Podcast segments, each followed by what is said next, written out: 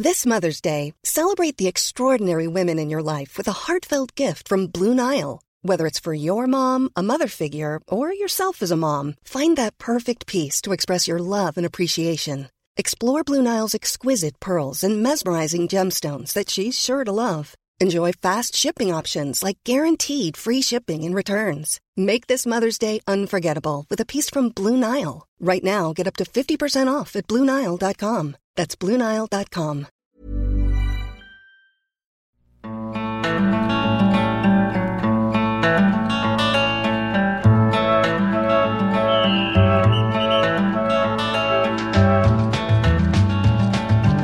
and yellow, black and yellow Exakt. Ja, det, You know what it is. Alltså spelarna kan ju inte vara taggade när de ska gå in i spelartunneln till, till Wiz Khalifas Black and yellow nej, den har man skämts eh, retroaktivt åt ett par Ja. gånger kan jag säga. Alltså jag, är det bara jag som tycker att det finns någon viss charm i den då? Nej det finns inte nej, nej. Alltså, vi, vi kan faktiskt, eh, hej och välkommen till Allsvenska podden för övrigt um, Makoto Asara heter jag, ni hör vi pratar om inmarschlåtar av någon anledning, kom in på det här på tisdagsmorgonen eh, Ja, det jag tänkte fråga, vilken är den bästa inmarschlåten i Allsvenskan? Ska vi bara slänga ut den frågan för att den, den dividerar ju ändå Eller gör Ja, den ja. det? Jag har, Ja det eh, gör det definitivt jag har två kandidater. Eh, givetvis, eh, vad heter det, Den öppna dörren, det vill säga Snart skiner Poseidon Exakt. och sen, och sen lite mer finsmakarvarianten med eh, Ett liv, ett lag i, i Norrköping. Så att det är mina två, eh, Vi har ju två inte eh, fått överlägsna Vi favoriter. har ju inte fått höra ett liv, ett lag med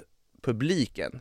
Och det har ju gått diskussioner och rykten om, kommer Markus Krunegård dyka upp när publiken är tillbaka för att livespela den här när de möter Hammarby på Platinum Cars Arena som den här, den här säsongen heter. Eh, så vi får väl se hur det blir med det. Jag har ju en jag tycker är bra som jag alltid får skit för så fort jag lyfter att jag tycker att den är en av de bästa inmarschlåtarna i Jag serien. vet var vi kommer nu Du vet vart vi kommer nu ja. Och det är ju Malmös. ja, Jag håller inte med alls Det- Den är, den är, den är helt okej. Det är liksom, den är i min smak lite för pompös. Ja men det Det är det, det pompösa som är det fina, det ska vara pompöst och mäktigt när man kommer in liksom. Inte i Allsvenskan, ska det verkligen vara pompöst? Ja, ja, för Ja, en men- sån klubb med den pompösa självbild som Malmö har, absolut ja. Kanske framförallt, den Ja, passar ju Champions League-kvällar skulle jag säga Ja det är ju Malmö, de vill ju förknippas med Champions Jo, League jo, jo, men så ofta är det inte de faktiskt står där Nej men vad de vill bli förknippade med Det är Ja. inte ofta klubbarna som har inmarschlåtarna förknippas med all framgång som det sjungs om i de låtarna. Nej, nej för, Nej, mig, jag för mig är det Jag två köper, stycken. det, Ja, förlåt, jag köper det båda. Nej, för, för mig är det två stycken och det är Snart skiner på sidan. Den öppna dörren och den andra öppna dörren Just idag är jag stark. Två öppna dörrar som alla är liksom väldigt rimliga öppna dörrar att gå in genom också ska sägas Rent melodimässigt och så här som man fastnar på i, i hjärnan, då tycker eller som, som låten fastnar på hjärnan, det är ehm, eh, AIKs och vi i AIK faktiskt. Och den fastnar Ja, lätt. det gör den. Eh, Så den tycker jag ändå fyller sitt syfte, även kanske inte textmässigt är så här ah, wow, så tycker jag att den, eh, musikaliskt sett så tycker jag den är bra. Nej, jag Jag tycker vi kan ha, vi kan ha ett eh, inmarsch alternativt rams eh, dedikerat avsnitt när man eh, rankar topp fem ramsor, både bra och dåliga. Ehm, jag har en gammal som Häcken inte kör längre, men den är bland det bästa jag har hört i hela mitt liv. Eh, den, som kan, eh, den som vill titta närmare på det kan googla René Makondele ramsa. Eh, så kan man få sig en, ett, ett gott skratt eller tio. Eller, eller Det är fantastiskt. Hur, hur räknar Ja, man skratt? Ja, i alla fall. Eh, alltså någon så här som också måste nu, måste, nu kommer vi riska att slänga in alla ramsor som finns i hela serien, men en som fastnar i huvudet jättelätt tycker jag är Sirius. Den de har. Eller det kanske varit för jag har varit på studenten och sett många matcher, kan ha varit med det med Sirius, Sirius, ja. Eh, och sen tycker jag ju om Djurgårdens. Och det är för att den får liksom lite Spanien-känsla på att det är gammal ramsa som bara hängt med liksom hela vägen här inmarschlåten, liksom sjung för gamla Djurgården. Alltså det, jag älskar till exempel Atletico Madrids inmarschlåt. Jag tycker den är Nu- Nu fantastisk. känner jag att vi kliver ifrån eh, Nu kommer vi tillbaka. Ja men alltså jag. det, men det, jag- ja men jag skulle inte dit. Jag försöker liksom dra en parallell till vad som gör att jag tycker att Djurgårdens inramsa, inmarschsång, bra där, Mm. är trevlig. Med det där lilla sidospåret som vi inledde med, så jag vet inte om man kan kalla det ett sidospår, utan det här blir väl huvudspåret och resten blir då sidospår, resten av avsnittet så ska vi väl gå in på det som ni egentligen vill lyssna om och det vill säga fotbollen som har spelats den här helgen. Eh, Hugo Månsson sitter mitt emot med dina intryck av eh, den här allsvenska helgen. Ganska många kalla matcher, alltså på förhand. Det, det var inte mycket som, men det var vi inne på i slutet av förra avsnittet, att det inte mm. var mycket som kanske lockar en neutral. Förutom Halmstad-Sirius. Ja men den, den lockar, den, den kittlar lite faktiskt. Um, men uh, nu med um, facit i hand så fick vi se ganska målglada matcher. Uh, framförallt de tre första med Malmö, Mjällby och Djurgården som körde över sina motståndare. Mm. Så att ja, vi kommer till det Josip, eh, känner du också att det var det som stack ut i helgen, eller någonting särskilt du funderar över, så här på en tisdag? Jag sitter, i en jag sitter i en bunker, så det kan vara, kan vara därför teckningen är, eh, är som den är. Uh, ja, det här kan vi klippa bort. Det kan vi göra, absolut. Men... Uh, Ställ frågan igen. Ja. Ja, vi kommer ju in på de där storsegrarna sen, men kolla först Josip, något särskilt som slog dig av den här helgen nu, så här en tisdagsmorgon? Eh, att Blåvitt fortsätter att trampa runt i dynga. Eh, och att man, det finns, eller verkar finnas väldigt, väldigt lite eh, både hopp och, och framtidsutsikt för att man överhuvudtaget ska klara det här. Eh, det är väl det jag tar med mig främst. Eh, såg nu mot Kalmar där man återigen inte dyker upp eh, och när man bestämmer sig för att man är på plats och det tydligen är match så händer det egentligen ingenting. Eh, så att eh, nej, det finns, finns all anledning till oro i, i Göteborg, men det återkommer vi till sen.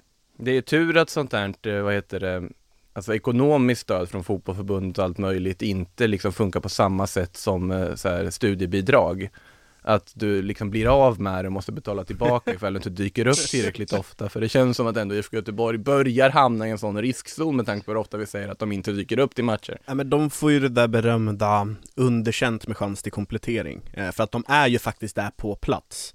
Det är de ju. Eh, men, men de presterar ju inte i närheten av vad som krävs enligt professor, eh, ja, Enqvist eller vem det nu är som är. Vem som skulle vara professor i det här sammanhanget. Var det inte professor Laul vi hade här förr? Ja, general och Ja men det var ju, det var magister ja, Laul var det som korrekt. gav ut halvtidsbetyg, så korrekt. var det ju så att eh, är inte helt ja. tagen ur luften den här skolreferensen som plötsligt drogs ur hatten. Eh, även om anledningen var efterkonstruerad.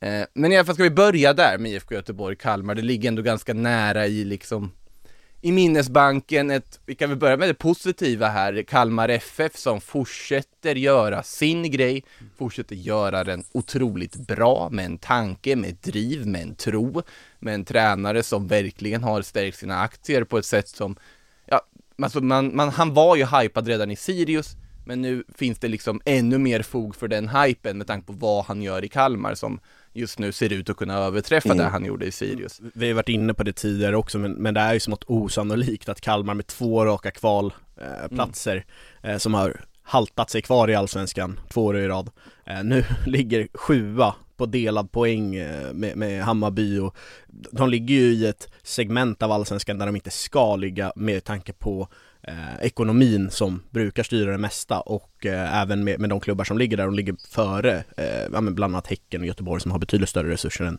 Kalmar själva. Och det är ju såklart den största elogen till eh, Henrik Rydström som har vänt på det här eh, ja, inte på en natt där, som att det är antagligen ett långt arbete eh, under säsongen. Men, men ja Otroligt imponerande för, av Kalmar. Och en sån spelare som Jonathan Ring som nu är i stor form 1 plus 1 igår. Ehm, Alltså, Nej förlåt, två assister Nej, Nej det han nickade ju inte, han nickade in Du var rätt på ett plus ett där, men alltså det Som sagt, man märker också hur mycket en miljö där man trivs, där man får liksom förtroendet kan göra för en spelare. Vi har varit inne på Jonathan Ring förut, men han har ju verkligen frodats i att han har det kreativa ansvaret, han har lagkamrater som letar upp honom i sådana lägen, sätter honom i situationer runt straffområdet där han kan få skapa, och det är en otroligt skicklig fotbollsspelare. Mm. Det var det även i Djurgården, bara att han inte hade ett särskilt bra år överhuvudtaget. 2020 ja, Exakt, precis innan han drog till Kalmar där. Sen måste man ju lyfta en spelare som Romario, inte bara för att han gör mål Men där, det är ju liksom trotjänarstatus på honom så ja. länge som han har varit där. Och sättet han tar kampen på mittfältet varje match och dessutom är väldigt skicklig Ja också. precis, han har ju, han är ju ganska komplett innermittfältare i Ja, ja, verkligen. Eh, Och det, det är ju bara det att han har ju inte riktigt kunnat komma till sin rätt när, under Kalmar, under Nanne Bergstrand eh, och Magnus Persson etc. När, när de har varit lite mer eh, cyniska och ska man säga destruktiva till och med. Eh, där han inte liksom har fått chansen att använda sin spelfördelarfot och, och sina mer kreativa egenskaper utan bara har fått kriga. Eh, nu, nu får han ju faktiskt komma till, till sin rätt men även ta det där ansvaret eh, defensivt. Så att han, han är ju verkligen eh, komplett. Mm. Det var det positiva, om inte, har du några mer lovord att slänga in på Kalmar här innan vi går in på um, ja, problembarnet i klassrummet? Ja, nej, jag tänker väl främst på den eh, kanske till synes mycket spretiga men ändå eh, oväntat, kanske oväntat framgångsrika backlinjen med eh, Rasmus Sjöstedt, eh, Douglas Bergqvist och Lars Sätra. Eh, där du egentligen har tre, tre spelare på helt olika, både kunskapsmässiga nivåer men även på lite stadier i, i karriären. Eh, men som ändå Rydström lyckas få ihop och att de plockar fram eh, de här ledaregenskaperna och framförallt kanske den mest underskattade egenskapen i en backlinje, det vill säga att bara koncentrera sig på det man är bra på och inte försöka liksom fixa och trixa. Det finns, eh, finns mittbackar i den här serien i lag som är betydligt högre upp som omedelbart borde upphöra men med den typen av verksamhet men som fortsätter ändå. Eh, jag tänker på Lasse Nilsen i Malmö FF framförallt. Eh, men att man, att man koncentrerar sig på det man, man ska göra och ingenting annat och, och börja därifrån och det tycker jag att den här trion har gjort. Och sen så eh, grundtryggheten mellan dem. Nu gjorde man visserligen ett målvaktsbyte här och, och satte Lukas eh, Hägg Johansson på, på bänken men att man trots att man vet att Hägg Johansson kanske är ute och flaxar någon gång emellanåt, att man, man litar på sin förmåga och sin liksom grundmurad, eh, sitt grundmurade samarbete däremellan. Så att jag, all eloge. Med de Kalmarhyllningarna så måste vi också fråga oss, vad händer i IFK Göteborg? Ja, vad händer inte? Eh, det är... Eh, jag, tror, jag skulle väl säga att det händer mer i det Viktor Edvardsen säger i Degerfors än vad spelarna själva i Göteborg säger efter matchen. Och att där säger han att... Jag tror han är inne på att jag har hört, eller jag citerar fritt, men han säger någonting med att jag, jag hör eller jag har hört att de inte tror på det. Eh, vad det innebär exakt, i exakta ordalag, det låter vara Ja, osagt. förlåt, men men det låter ju hur eh, mörkt som helst när man ligger Ja, tolva och, och ligger på rätt sida, än att man inte tror på det. Jag tror på det, vad innebär, alltså det var min nästa Och vad innebär det att. Viktor Edvardsen säger det? Ja, Det är ju min, min stora fråga. Vad... precis. Och det, då, det liksom, vad har han för källor? Vad har han för ingångar? Är det via spelarna eller är det via supportrarna eller klubben i övrigt? Eller liksom, och vad är det man inte tror på? Är det att man, att man kommer stanna kvar i allsvenskan? Att, man liksom, att det kommer bli bättre spelmässigt? Eller så här. Det är mycket som är höljt i dunkel. Så att det, det kan nog visa sig vara eh, kanske årets, eh, av många, årets eh, citat i, i allsvenskan om det här skulle skita sig totalt för, för IFK Göteborg. Om det också är rätt citerat. Så Mm. Ja, det- då, då, Nej, annars är det det svårt var- att bli årets citat. Nej, jag tror det var, det var ju väl i, i vår konkurrerande tidning som det exakta citatet sa, så att jag eh, Vi, vi, lå, vi låter det vara och säga vilken konkurrerande tidning det är. De vet, alla kanske kan förstå vilken det handlar om ändå, så vi får räkna det Precis. som en källhänvisning oavsett. Eh, nej men alltså det är ju faktiskt oroväckande. Så att, alltså såklart, man fattar att ett lag som Kalmar, som är i den liksom, form de är i nu med det här självförtroendet, kommer att föra en matchbild mot IFK Göteborg. Men problemet här är ju just som, som Josip var inne på, de dyker inte upp. Det känns inte som det finns den här geisten, den här liksom drivet för att kunna rädda den här säsongen. Nu är det ju säsongen på något sätt bortom all räddning och nu handlar det ju om att säkra ett kontrakt och det är en poäng upp till det där kvalstrecket. Halmstad tar en poäng här, pinne här nu under den här, var nära tre, ska sägas dessutom Ja, också. Sirius har ju flyt eh, med sig. De har flyt med sig i den matchen, men de, de nära tre poäng och då hade det varit ännu värre för IFK Göteborg. Nu fick man, var, kunde man glad över det åtminstone. Men samtidigt som Degerfors tar tre stycken, ja, man får väl ändå kalla dem oväntade på förhand, poäng. Förlåt att jag studsar tillbaka nu till, till Göteborg bara kort. Det ska du göra. För, förlåt, men, men det är liksom man märker att det är en klubb som är i dåligt självförtroende, eller spelarna är i dåligt självförtroende, det går, mycket går emot dem. Men nu är det tredje matchen i rad de också släpper in ett tidigt mål. Um, där, där liksom, jag kan ju bara föreställa mig, har, som sagt jag har ingen aning om vad som sägs på Kamratgården men jag kan bara föreställa mig hur eh, Mikael Stare försöker samla kraft och energi inför varje match och verkligen lägger vikt på att ja, men vi ska hålla matchplanen, gör vi det här då kan vi ju bära med oss en poäng eller tre liksom. Eh, men, men så slopas det för tredje matchen i rad när, när ett tidigt mål eh, går in bakom Anestis i kassen. Det är, det är jäkligt tufft för, för Göteborg att eh, få det där. Sen så, det är ju, det, man ska ju inte skylla på, på någon annan, nu är det två ganska så, alltså både mot Hammarby och mot Kalmar så är det ett distansskott men ett skott utanför, utanför, uh, utanför straffområdet som, som trycks in bakom NSS. Det, det måste de göra bättre och, och stå emot det där. Um, så, men bara en förklaring av det hela också.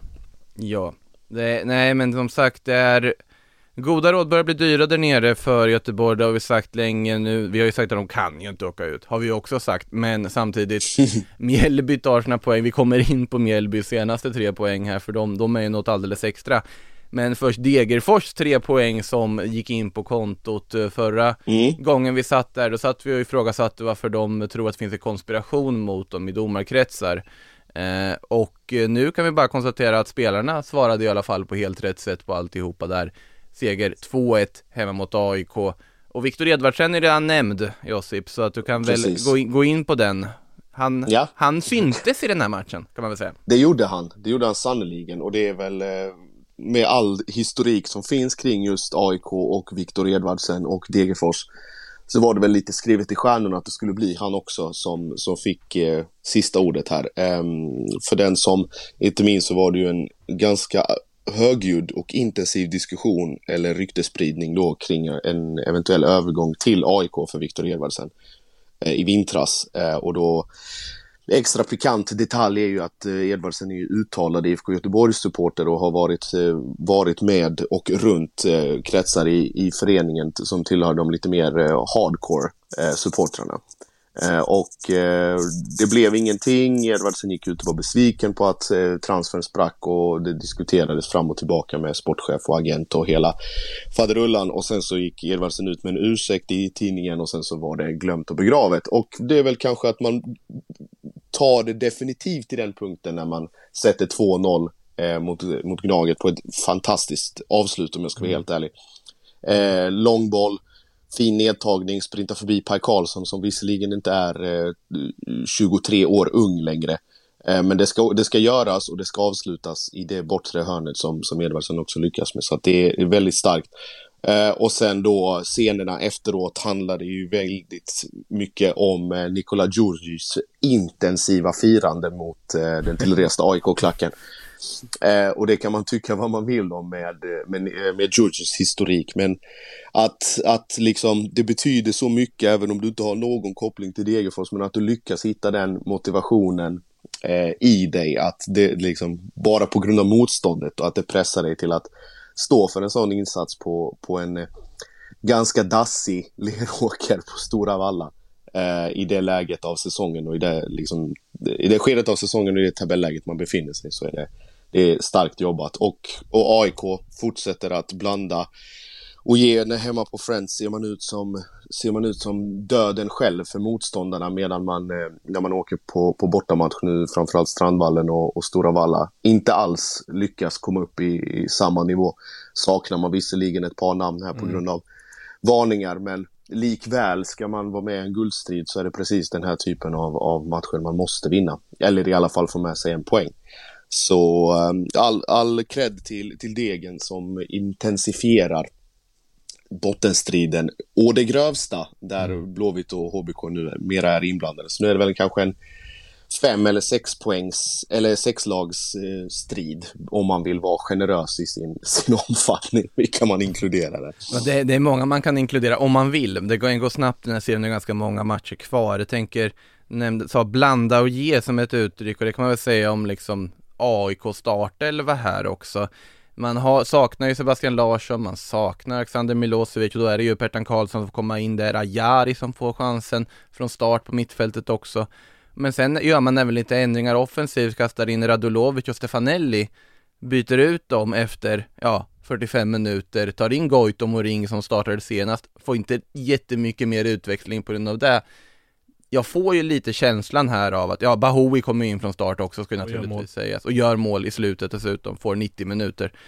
Eh, det känns inte riktigt som att man vet vad, vad är egentligen AIKs bästa offensiva formation?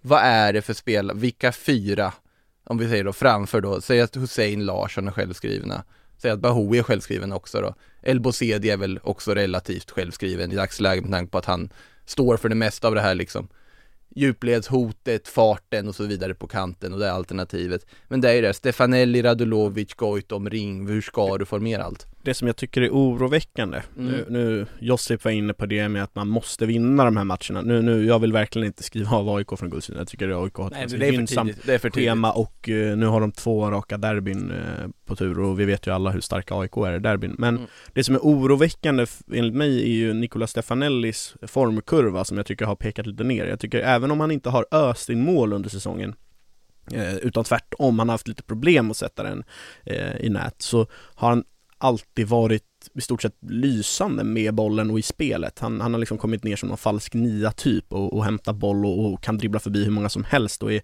väldigt underskattad felvänd med bollen också. Eh, nu, nu, tycker jag inte alls att han har kommit till sin rätt på senaste, han har varit petad om jag inte har helt fel i, i eh, någon match här innan i alla fall.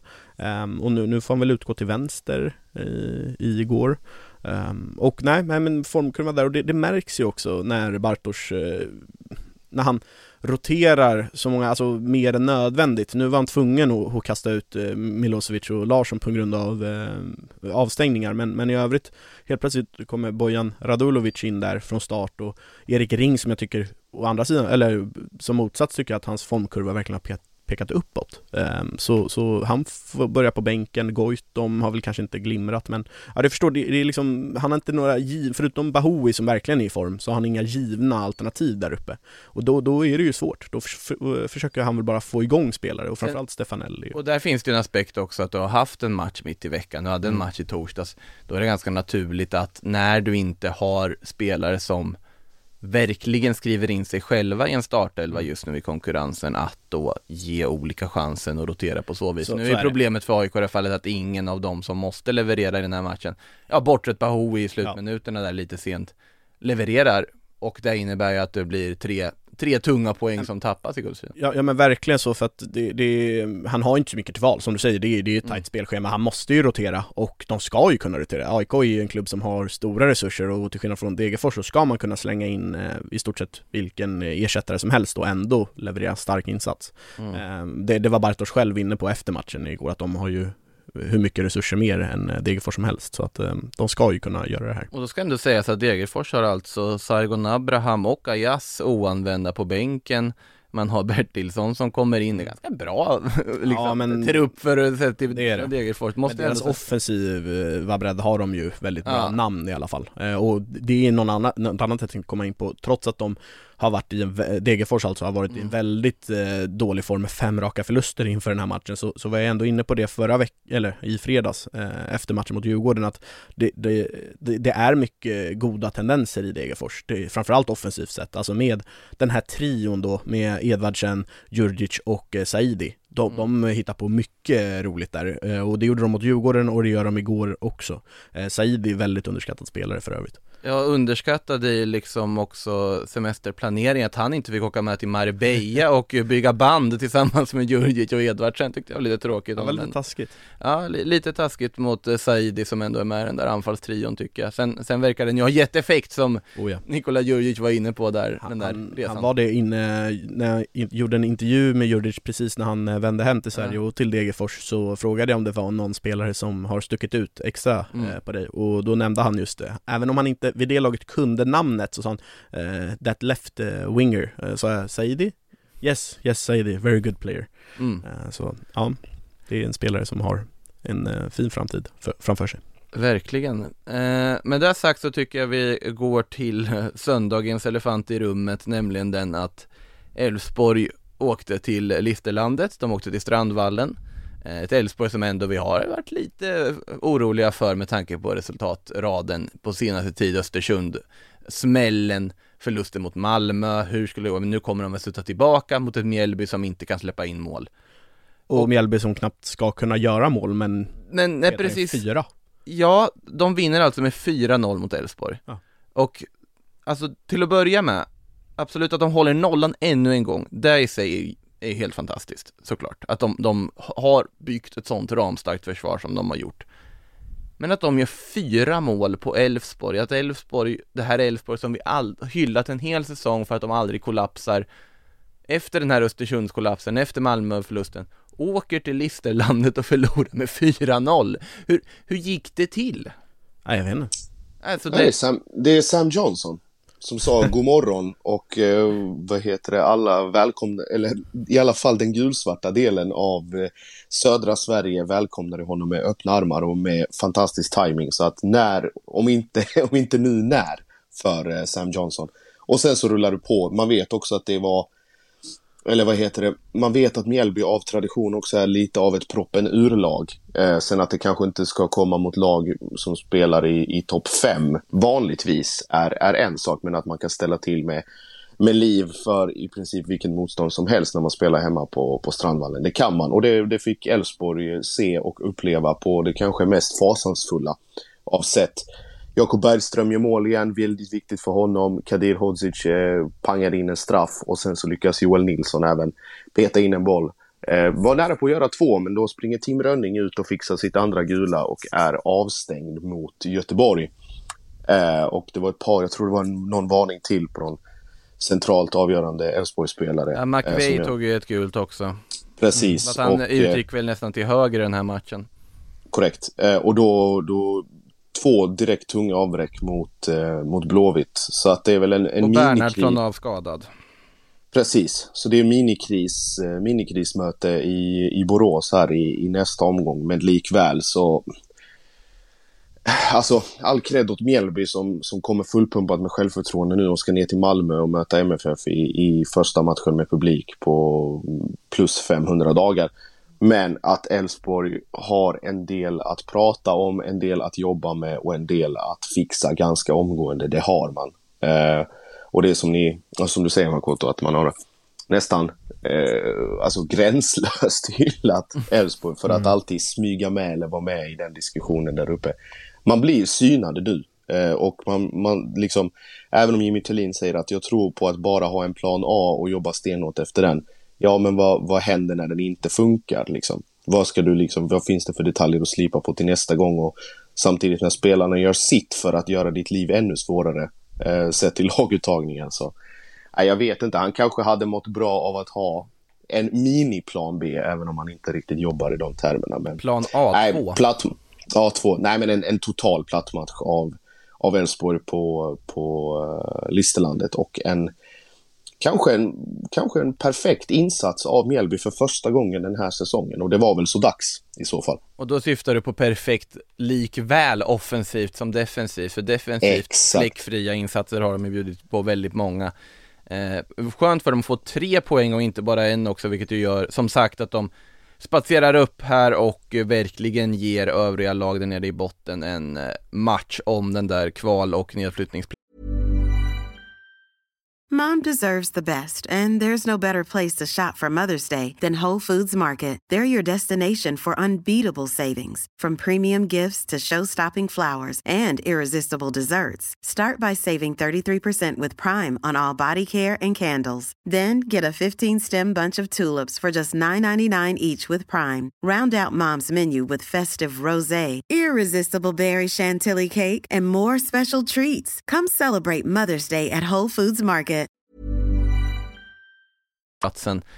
Eh, Elfsborg å andra sidan nu blivit av med den här fjärde platsen som vi ändå cementerade att de skulle ligga på minst för, vad är det, är det ens två veckor sedan? Men sen har IFK Norrköping då samtidigt haft en helt makalös period får man ju lugnt konstatera. Åkte, eller åkte gjorde man inte, man hade hemmamatch mot Varberg på söndagen där också efter med vetskapen att Elfsborg har gjort det de gör och, var, och få mål efter 25 sekunder. Och vem gör det? Ja, såklart det är Samuel Adegbenro som eh, mer och mer ser ut som, ja, alltså om man fortsätter göra ett mål per match så här så kommer han ju ta den där skytteligatiteln. Så enkelt är det ju. Det, det, känns ju så i alla fall och han har ju greppet om den just nu även om det finns andra spekulanter kring till den titeln. Men eh, ja, och sen så var det, såg jag att det var någon gammal NT-kollega som skrev det att en 1-0 ledning i, efter 25 sekunder är en av de svåraste ledningarna att försvara i fotboll. Eh, inte kanske helt seriöst, men det var ju det, för Viktor Karlsson kom in, kvitterade. Med en vacker nick. Mm, och eh, ett Varberg som gör det riktigt bra återigen, spelar riktigt bra fotboll, hotar Norrköping, gör väldigt mycket rätt i den här matchen, men sen dyker då Linus Wahlqvist upp till slut, ungefär efter en timme spelad, 2-1 målet och det räcker för Norrköping som då alltså återigen vinner, nu då spatserat förbi Elfsborg i tabellen och är uppe på fjärdeplatsen och då är min fråga till er, fem poäng upp till AIK, fem poäng upp till Malmö, åtta poäng upp till Djurgården. Kan vi räkna bort Norrköping från den absoluta toppstriden? Nej, det känns väl dumt att räkna bort någon när man har, eh, när man har bara, för, ja, bara fem poäng, men fem mm. poängs skillnad. Sen så ser jag väl inte riktigt det hända med tanke på att jag tycker att eh, Norrköping är lite för ojämna och när eh, Ja, men när de är på topp så är de eh, definitivt på minst samma nivå. Eh, men ehm, deras bottennivå kommer ju lite för ofta till skillnad från, ja nu kolla AIK gör en svag insats, då förlorar man med 2-1 mot Degerfors Visst, men tidigare har man faktiskt lyckats, hade de haft Larsson och Milosevic hade de nog lyckats klämma ur en poäng ur den matchen i alla fall. Mm. Eh, Norrköping, inte riktigt samma höga lägstanivå, men eh, absolut det, det känns ju dumt att, att, räkna bort dem för de eh, verkar ha hittat, eller de har ju onekligen hittat formen och, och fortsätter de trumma på så här så, så ska nog eh, samtliga konkurrenter där uppe passa sig. Nu ska det ju sägas att de också mött Varberg hemma, mm. Sirius borta, Örebro hemma, men det här är också den typen av matcher som, ja. som Norrköping ofta lyckats få ett poängtapp i. Att man får en förlust på hemmaplan mot ett lag man på något sätt förväntas slå. Det har man ju lyckats undvika nu, det blir otroligt spännande att se vad de hittar på i de kommande matcherna när man har mm. Hammarby hemma när publik kommer tillbaka, Häcken borta, AIK borta. De tre matcherna blir väldigt spännande att se hur många poäng IFK Norrköping går ur dem med. Ja, verkligen. Eh, så ja, det, Norrköping trummar på alltså, trummat förbi Elfsborg dessutom i den här tabellen. Eh, och samtidigt ett annat lag som trummar, det är ju Djurgården där uppe i toppen. Man hade lite ändå funderingar hur det skulle gå när de skulle ta sig ut över, upp till Jämtland på Jämtkraft Arena, möta ett Östersund som med Ja, man får fortfarande kalla dem nymålade väggarna mm. i det där ja, det, det, det. det tycker jag ändå man får anse. Eh, men de hjälpte ju ingenting för det vart ju liksom, ja Djurgården ja, gjorde processen kort Ja, om du var orolig för hur, hur det skulle se ut så, så grusade ju Djurgårdsspelarna eh, dina eh, Orosmål ja, ganska rejält ja. Eh, ja men efter eh, första halvlek så, så var det ju över eh, ja. och Une Larsson trycker upp en efter en hörna såklart, trycker upp den i, i Ali Keitas högra kryss eh, Några minuter, eller ja, drygt 20 minuter senare Chilufya trycker upp den från utanför straffområdet, trycker upp den i samma kryss. Väldigt vackert avslut för övrigt. Och, och Joel Asoro blir skjuten på av Kalle Holmberg och in i nät.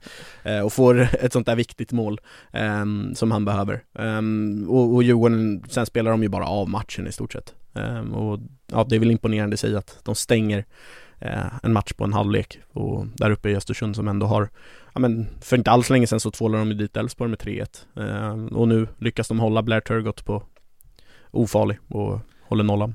Ja det, sen, det känns som att Djurgården också idag är en, Men det är ju en uppenbarligen en guldkandidat på ett annat sätt också än vad, vad Elfsborg bevisligen har varit.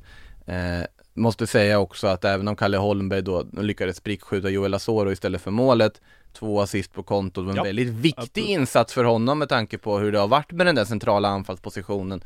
Att få Verkligen. poäng på kontot och vara bidragande, göra en väldigt fin insats i övrigt. Alltså det var ingen majestätisk insats? Nej men ingen majestätisk insats men tillräckligt bra för att visa att jag är aktuell och ska ha den här ja, startplatsen. Och, och, man ska inte underskatta just de där, även om det kanske inte är de vackraste av assister eh, så, så ska man inte underskatta, kontot. ja precis, och det är ju så viktigt för en anfallare och en, eller en offensiv spelare generellt att få de där poängen på kontot. Så att eh, Kalle Holmberg har säkert eh, ny, nyvunnet självförtroende.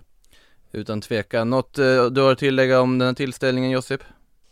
Nej, men det är väl att eh, i största liksom, möjliga mån att, att Djurgården leder de här eh, två andra bakom sig också in i vad som nu ser ut att bli en trekamp. Vi pratade om att det är fyra lag inblandade och att vi sa innan också att Peking absolut kan vara med där. Ja, det tror jag också, men samtidigt de här hur ska jag säga, både AIKs och Malmös spelscheman de kommande tre, fyra omgångarna kommer ju bli extremt avgörande för hur mycket man kan hänga med. Djurgården leder ju delvis på, på prestation såklart, men även eh, tack vare eh, sitt, sitt försprång där på tre pinnar och att man, man har råd att inom citationstecken förlora en match och, och ändå leda.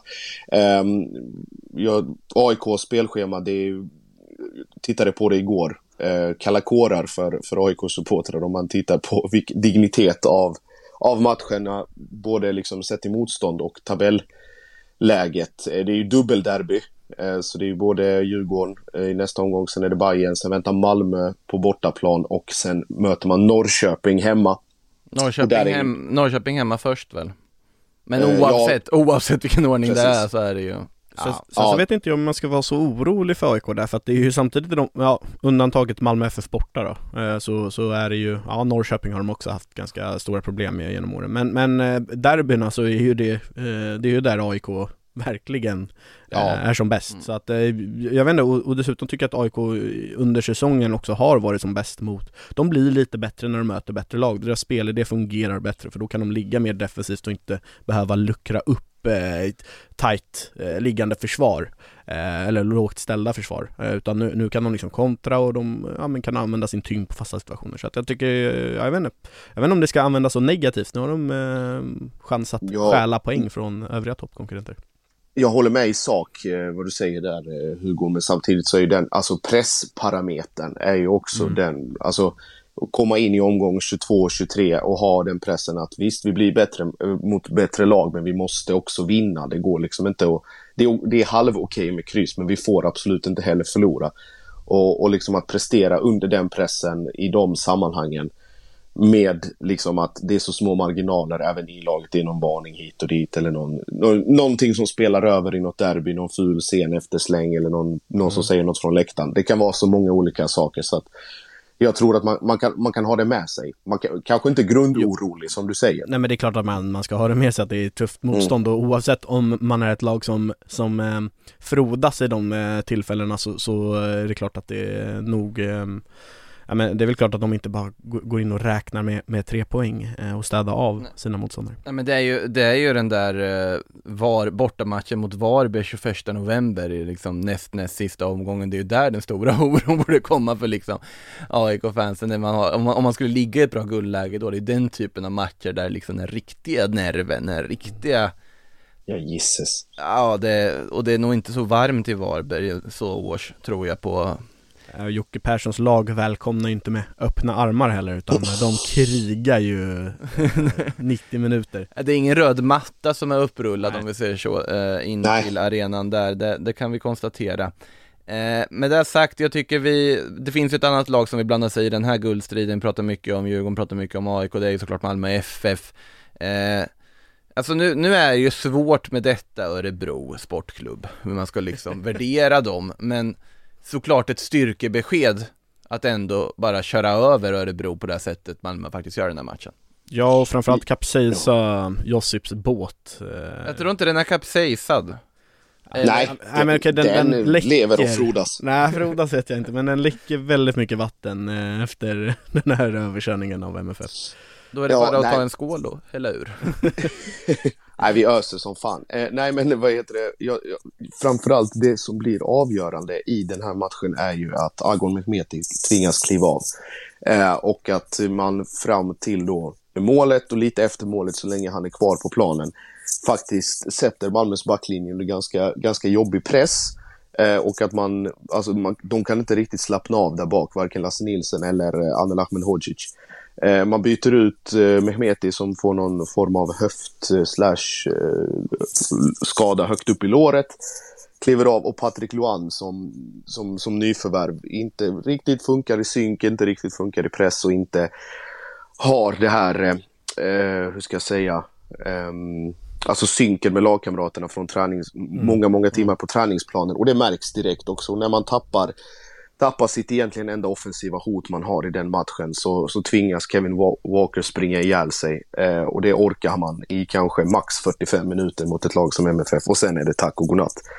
Eh, och att man Ytterligare då att Colak sätter 2-1 precis innan halvtidsvilan. Mentalt knäckande såklart. Eh, och sen så spelar Malmö eh, upp, ut och förbi eh, ÖSK i den andra halvleken. Men att det var liksom att siffrorna är lite, lite missvisande, det tycker jag ändå. Eh, och det blir då framförallt att man sett över 90 minuter lyckas hålla en, alltså en 45 minuter stabil prestation.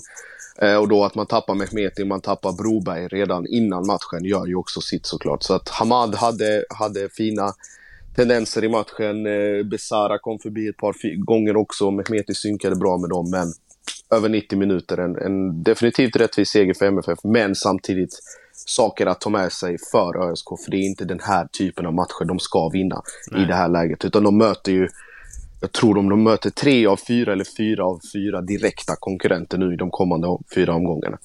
Så att det är fyra finaler för uh, vårt, ja. uh, vårt ÖSK. Ja men det gäller för Vitor Gazimba att skaka av sig den här förlusten och fokusera på, på framtida uppgifter här nu.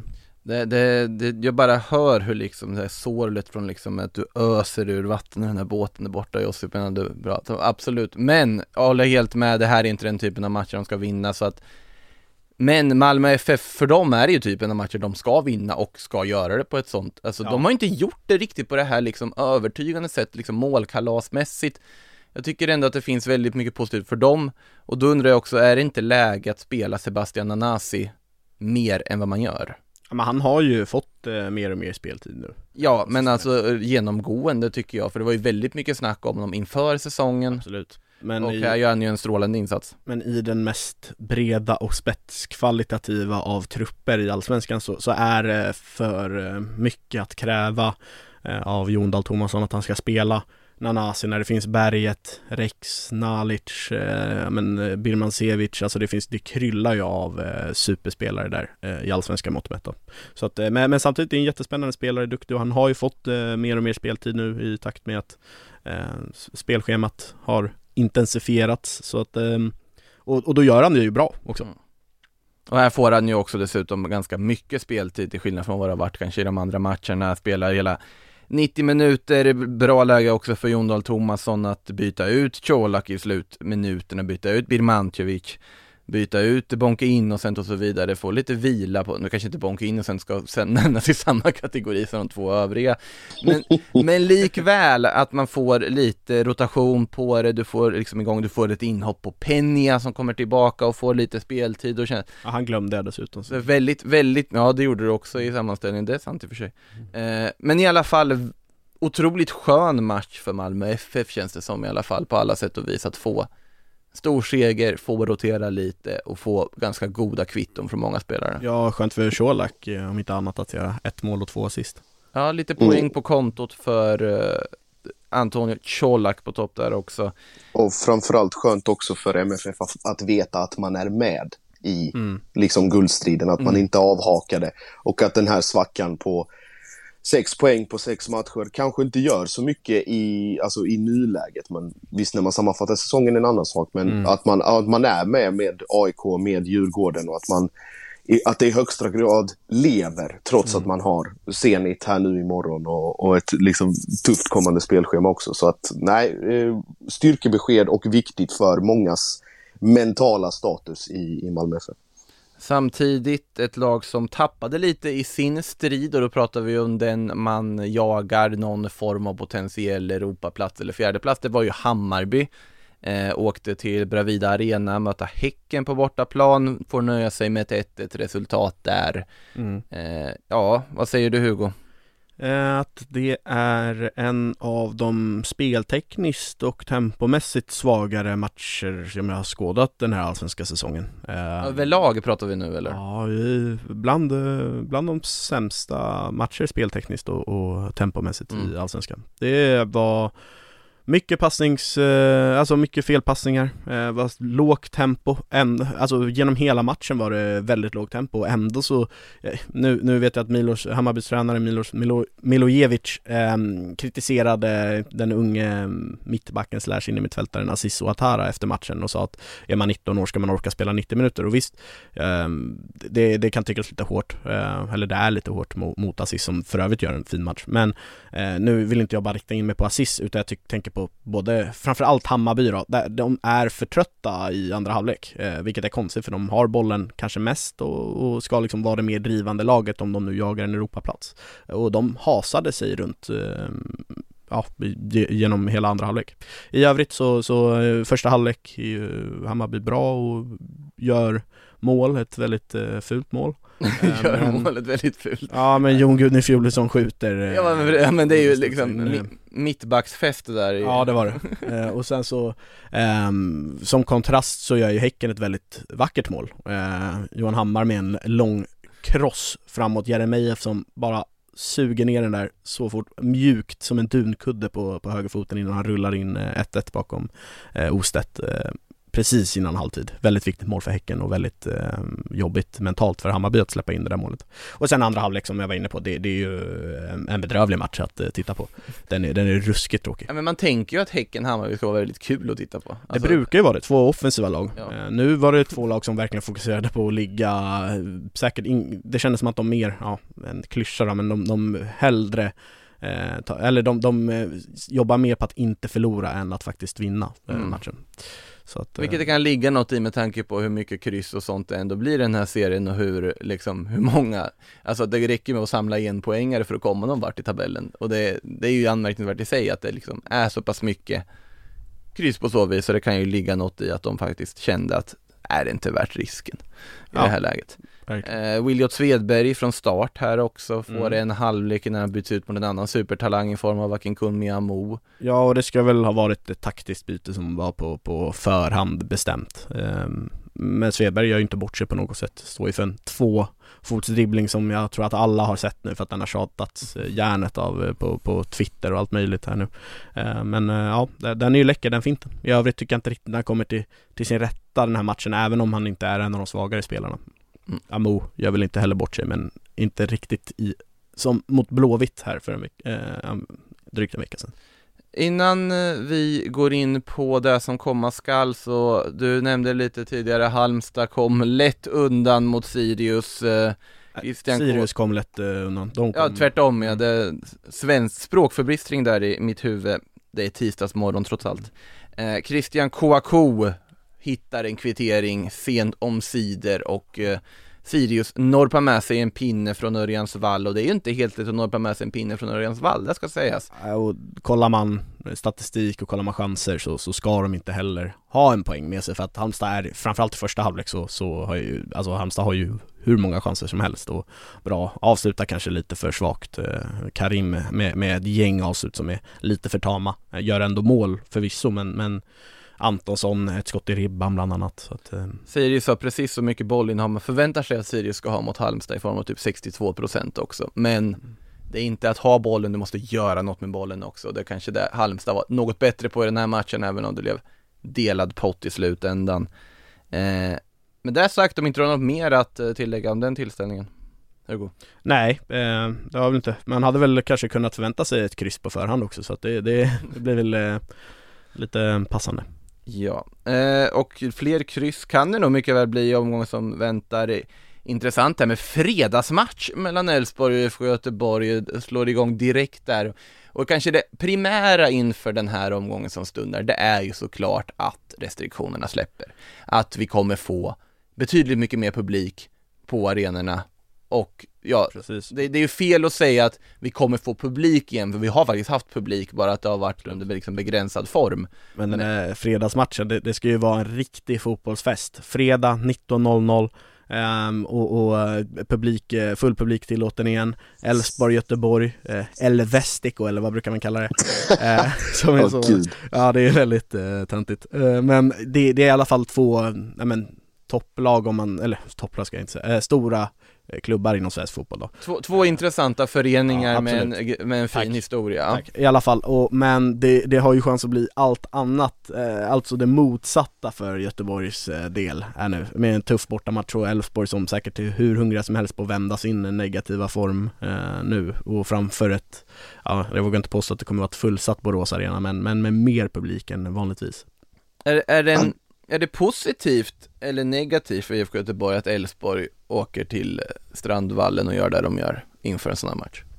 Klart att det är positivt någon, någonstans. Alltså, ja Alltså det beror lite, det, så det är svårt det där med det mentala spelet liksom Jo, nej men det, det går ju liksom inte att sätta värde på. Nej. Men det man faktiskt kan sätta värde på är hur Mjällby har straffat eh, Elfsborg Så gånger fyra i förra matchen. Så och då, då, det missar inte Stare och hans ledarstab så att då kan ju de hitta intressanta detaljer på hur de kan straffa Elfsborg. Naturligtvis, eh, nej, det ska bli otroligt spännande den fredagsmatchen, sen har vi ju godbitarna Varberg, Degerfors och Halmstad, Östersund som förgyller vår Mm. lördag Mm. eh, Riktigt bra, rikt- riktigt Hugo Månsson lördag känns det som Ja, 17.30 Halmstad Östersund, det, det slår högt. Ja, men söndag 3 oktober, den lite, lite mer generella, eller liksom majoriteten av den allsvenska publiken får man väl ändå säga kanske blickar främst mot den AIK-Djurgården, derbyt, guld, alltså toppmatchen, seriefinalen. Nu blir det inte exakt samma seriefinal i och med att AIK åkte till eh, Stora Valla och eh, inte fick med sig några poäng. Men likväl, eh, det är ju ett läge för Djurgården att göra ännu ett guldryck om man skulle få med sig tre poäng här. Ja, Josip? Ja, jag håller helt med och jag skulle väl säga kanske det som är lite smolket i den här glädjebägaren är ju fortfarande att AIK inte har fått något som helst besked kring hur mycket, man, hur mycket folk man får släppa in på Friends. Eh, och då, då är det liksom det börjar bli ganska akut om man ska få resurser på plats och boka in personal och fixa och trixa och dona. Det är liksom ett, ett större maskineri än man, man kan tänka sig. Så det är väl den frågan som ligger och svävar lite, lite grann i luften. Eh, liksom ur ett eh, icke-fotbollsmässigt eh, perspektiv om vi ändå pratar publiken. Men eh, skulle, skulle Djurgården gå och ta tre poäng på Friends så kan det nog göra mer med eh, AIKs mentala status än vad spelarna kommer vilja erkänna efteråt, om så blir fallet. För att få, få stryk på Tele2 mot Djurgården, det är en sak i ett derby. Men att förlora hemma, inför sin egen publik, inför förhoppningsvis så många som möjligt. Eh, jag vet inte, jag tror att det hade påverkat AIK djupare, djupare än vad de själva tror. Ja men ett sånt här viktigt skede av säsongen också när Exakt. man redan ligger tre poäng bakom Djurgården eh, och, och man ska liksom studsa tillbaka efter Degerfors matchen. Eh, att då, om, om, AIK får inte förlora den här matchen. Skulle jag säga. Den här är faktiskt väldigt viktig för eh, Exakt. grund, eh, Exakt. chanser. Alltså spontant såklart det är viktigt för båda lagen men samtidigt så är det ganska tydligt, det känns som ändå att AIK har mer att förlora i den här matchen. Inte bara på grund av tabelläget men också för att AIK på något sätt på hemmaplan mot Djurgården som erkänt har haft problem i derbyn, även om de vann nu nyligen. Så Alltså de, det, det skulle liksom, AIK får ju en energiboost men Djurgården skulle inte gräva ner sig av en förlust här på något sätt. De skulle kunna fortsätta komma tillbaka till sin liksom framgångsmetod och sen trumma vidare. Däremot en seger för Djurgården, vad den hade gett för dem, den pushen och vad det hade påverkat AIK som du var inne på Josip också, och även du Hugo. Alltså, nej, det, jag tror att det, AIK har nog mer att förlora i den här matchen utan tvekan. Absolut, samtidigt får man ju tillbaka både Sebastian Larsson och Alexander Milosevic. Och den, den typen av karaktärer i ett derby, det går, går överhuvudtaget inte att värdesätta alltså, med, med pengar. Så att det, blir, eh, det blir två extremt välkomna tillskott och ja, då kanske man kan brösta en 2-1 förlust mot, mot Degen borta om du kommer in med clean slate och inget varningshot hängande över huvudet. Så det är väl bara att, att köra på. Jag tror jag tror när vi sammanfattar så kommer det nog ha delats ut i alla fall ett rött kort. Det är jag ganska, ganska övertygad om. Eh, då Är det kan, ett speltips vi... vi ska inte göra några speltips. Nej, det är speltips. Jag nämnde inga odds, ingenting alls. Eh, I alla fall vidare, sen har vi ju Derby de la Rydström i Kalmar Sirius, vi har Örebro som ska försöka studsa tillbaka hemma mot Häcken, Norrköping Hammarby. Det, Den, eh, apropå vikt i tabelläget så, så den där är ju livsviktig för Hammarby, framförallt Norrköping som antagligen bara vill trumma på och ha gott Ja. självförtroende. Hammarby, det här är ju en jätte, jätteviktig match för dem om de ska utmana om Europaplatser. Otroligt spännande tillställning där och sen har vi ju Malmö-Mjällby dessutom där Malmö då ska försöka få hål på det här Mjällby-försvaret som uppenbarligen inte går att göra mål på. Bara en sån uppgift, den, den ska inte underskattas. Eh, med de orden så säger jag tack till dig Hugo, jag säger tack till dig Josip och jag säger framförallt tack till er lyssnare som varit med denna tisdag eller vilken dag ni nu än lyssnar på detta. Finns ju fler poddar också, Sportbladet Premier League-podd kör ju på som vanligt. Det finns ut ett nytt avsnitt från igår och även spelas in Damallsvenska podden här under denna tisdag. Så sedvanlig full fart från eh, på poddarna här på Sportbladet. Med det sagt, så på återhörande.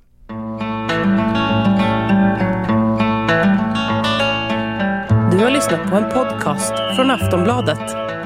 Ansvarig utgivare är Lena K Samuelsson. Mom deserves the best, and there's no better place to shop for Mother's Day than Whole Foods Market. They're your destination for unbeatable savings, from premium gifts to show-stopping flowers and irresistible desserts. Start by saving 33% with Prime on all body care and candles. Then get a 15-stem bunch of tulips for just $9.99 each with Prime. Round out Mom's menu with festive rosé, irresistible berry chantilly cake, and more special treats. Come celebrate Mother's Day at Whole Foods Market.